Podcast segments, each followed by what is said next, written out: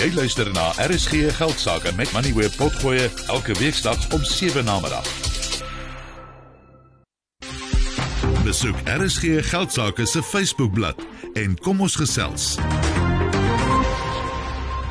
Dis donderdag aand en ek kry weer kans om met 'n prominente lid van die Suid-Afrikaanse sakelei te gesels.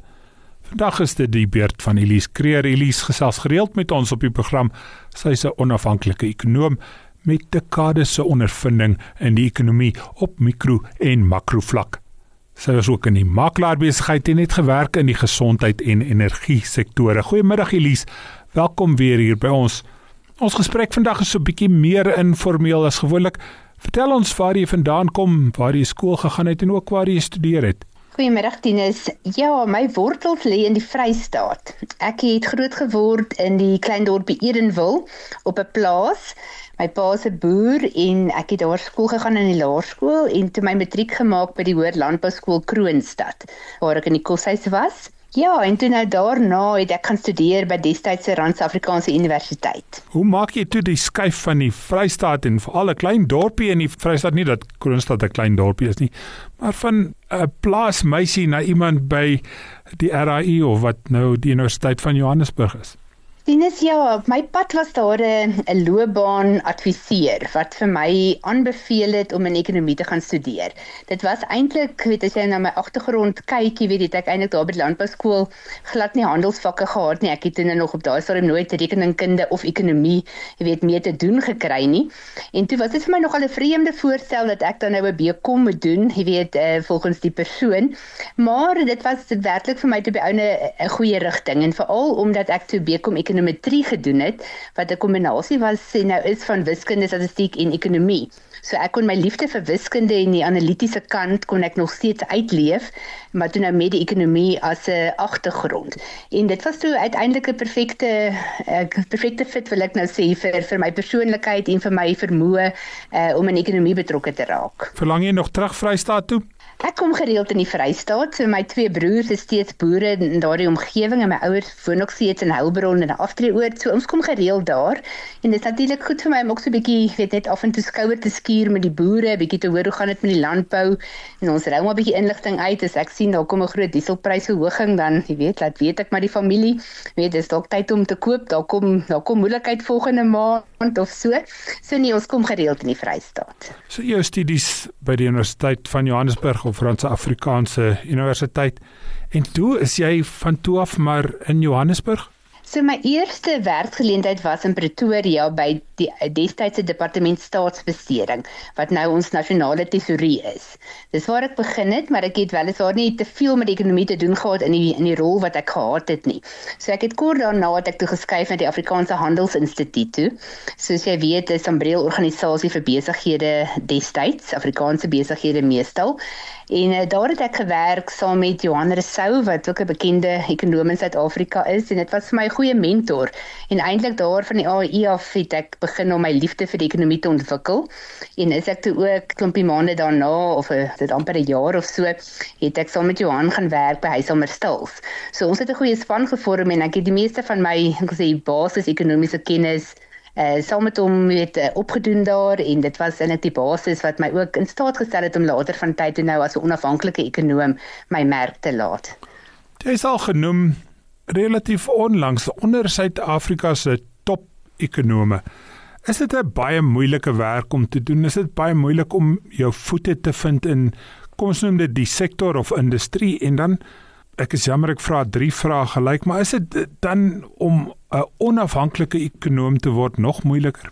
Ek sal nie sê dis moeilik nie. Ek sal sê dis 'n regtig interessante beroep want daar's elke dag nuwe faktore wat weet deel raak van die scenario wat 'n mens moet ontleed en weet probeer van sin maak. So ek vind dit nie regtig moeilik noem nie om onafhanklik te wees het sy uitdagings want jy weet mense het nou tipies nie iemand wat nou dadelik jy weet jou idee kan aanhoor of jy het nie iemand met wie jy al vir 'n klankbord jy weet van dag tot dag ehm um, jy weet al jou idees jy weet kan deel en so aan nie. Maar daar is maniere rondom dit. Uh, my man is baie geïnteresseerd in ekonomie ook alhoewel hy 'n uh, geoorloofde rekenmeester is en ek ek skroom ook nie om my telefoon op te tel en 'n oud kollega te bel of om met iemand my my gedagtes weet te toets te, rondom die ekonomie nie. Maar ek sal daarom nie sê dit is 'n moeilike beroep nie. Ek dink net die hoeveelheid inligting wat deesdae beskikbaar is, maak dit 'n uitdaging om oral, so ek kan sê, genoegsaam kennis te neem van alle verwikkelinge en dit dan te integreer in hoe dit nou byvoorbeeld Suid-Afrika se ekonomie beïnvloed. Uh dit dit is inderdaad 'n uitdaging. Hier by my in Auckland Park is die studente besig om in hulle honderdtalle op te daag. Is ekonomie nog steeds iets wat jy sou aanbeveel vir 'n Suid-Afrikaanse student? In der waarheid, ek dink eh, ek moet graag studente aan om in ekonomie te studeer. Uh, ek dink daar's definitief ruimte as jy daaraan dink dat elke industrie het 'n uh, ekonom nodig. Elke weet elke sektor ook in die klein selfs maatskappye het hulle eie ekonome. So behalwe vir die makrofunksie is daar ook baie uh, geleentheid op sektorale vlak vir uh, ekonome om hulle weet om hulle hulle dienste aan te bied. So ja, ek vat graag uh, studente soms saam Reservebank toe met om 'n bietjie blootstelling te gee aan aan dit wat die ekonome, sal ek maar sê, latiek. Ek sê altyd vir vir sulke studente na die tyd as dit wat jy nou vanaand gehoor het, jou opgewonde maak, dan kan jy gerus in ekonomie gaan studeer. Want uh, as jy klomp ekonome so saamkom, jy weet dan praat ons baie keer oor die nitty-gritty van inflasie en jy weet so aan en as dit vir jou verveel, dan uh, is dit 'n teken dat jy dalk 'n ander beroep moet vind, maar as dit jou opgewonde maak as jy as jy weet hoekom met inflasie met 0.1 persentasiepunt hoër of laer gekom is wat jy dink, dan is ekonomie vir jou. Daar word van julle verwag om voorspellings te maak. Baie keer op ons program moet julle net verduidelik wat gebeur het en dis seker 'n bietjie makliker. Is dit so bietjie moeiliker om die voorspellings te maak? Maak 'n mens maar foute as jy dit doen? Ja, inderdaad, jy weet want vir elke voor, vooruitskatting oor wat ook al ekonomiese veranderlike is daar natuurlik aannames. En weet jy skryf dit maar baie keer verkeerd. Jy weet uh, ek dink die randvisselkoers is seker die een veranderlike wat mense die meeste kere uh, verkeerde aannames oormaak. Maar ehm um, ja, so uiteraard, ek dink die die die uitdaging van ekonome is om daai vooruitskattingsfout so klein as moontlik te hê.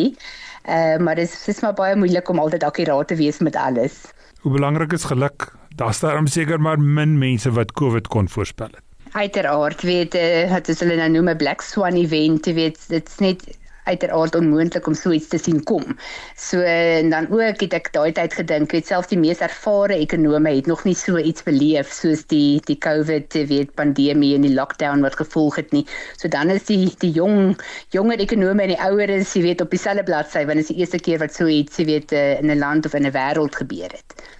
Elise, wat wil jy nog bereik? Kom ons kyk eers na jou werk as ekonom, wat is die doelwitte wat jy nog het in jou beroep? Dit ek sal sê op 'n voortdurende basis, weet wil ek graag relevant bly vir my kliënte en wil ek altyd weet dat die navorsing wat ek doen vir hulle waarde toevoeg in hulle industrie en in hulle besighede. So dit is my, like maar sê voortdurende doelwit. As ons buite dit kyk in jou lewe, wat staan nog vir jou uit? Wat moet jy nog gaan doen? O, ja, nee, kom ek sê so my my lewensmotto is carpe diem. Jy weet, gryp die dag, maak die beste gebruik. So vir my is dit regtig op 'n voortdurende basis om elke dag voluit te lewe en om balans te hê. So balans is natuurlik 'n 'n moeilike ding in in 'n besige fase van 'n mens se lewe om balans te hê tussen werk en kinders en jy weet familie en vakansie en so aan. Bly 'n konstante uitdaging.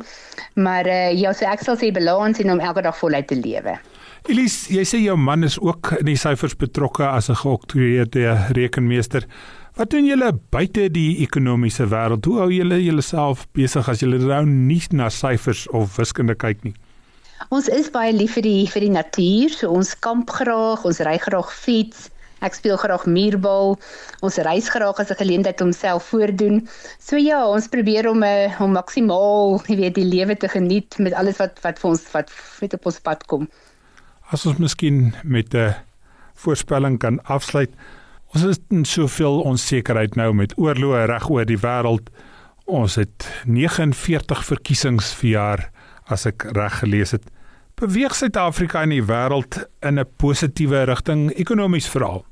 As ek miskien kan begin by Suid-Afrika, Tinus, dit voel maar van dag tot dag vir 'n mens of jy in chaos lewe maar ek dink tog in die afgelope 18 maande, 2 jaar het ons begin sien dat die regering meer geleentheid skep vir ons privaat sektor om betrokke te raak om probleme in Suid-Afrika op te los en dit gee my hoop.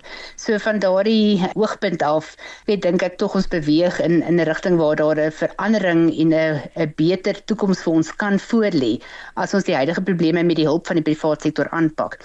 Wat betref die wêreld, vir dit vir my die gas skuif net so van een area in die wêreld na 'n volgende. So dit is asof mense die volatiliteit en die uh ek wil besê die die hoeveelheid uitdagings wat wat globaal ook impakteer op Suid-Afrika word net vir my al hoe meer. So daarmee moet 'n mens maar leer saamleef en probeer om tussen die chaos en in in die volatiliteit nog steeds weet tendense raak te kan sien en te weet om te kyk wat die beste moontlike uitkomste Suid-Afrika kan wees gegee wat wat maar toenemend 'n baie komplekse globale omgewing raak. Maar nog steeds positief van jou kant af? Ja, inderdaad. Jy weet eh, ek dink as uh, mense nou nie positief was nie, dan dan was jy dalk nie meer hier nie. Mense kyk maar so 'n bietjie na die glas half vol eerder as half leeg.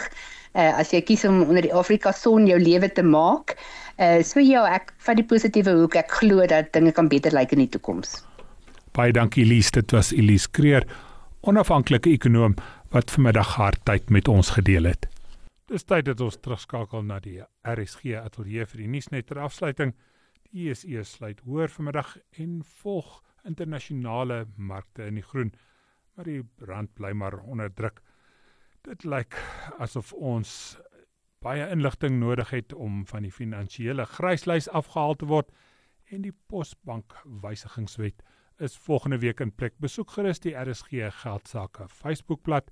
Daar is skakels na die onderhoude en jy kan ook jou mening lig oor die inhoud potgooi van die program sal ook nou nou op moneyweb.co.za beskikbaar wees. Is ook so op die Moneyweb slimfoon toepassing. Dankie Mia Kriegler van Creer Internasionaal vir jou insette vanaand. En daarmee groet ons Palesa Matlala het vir die inhoud gesorg. Piet Botha is die klankingenieur en van my Tinus die Jager. Dankie dat jy vanaand saam geluister het.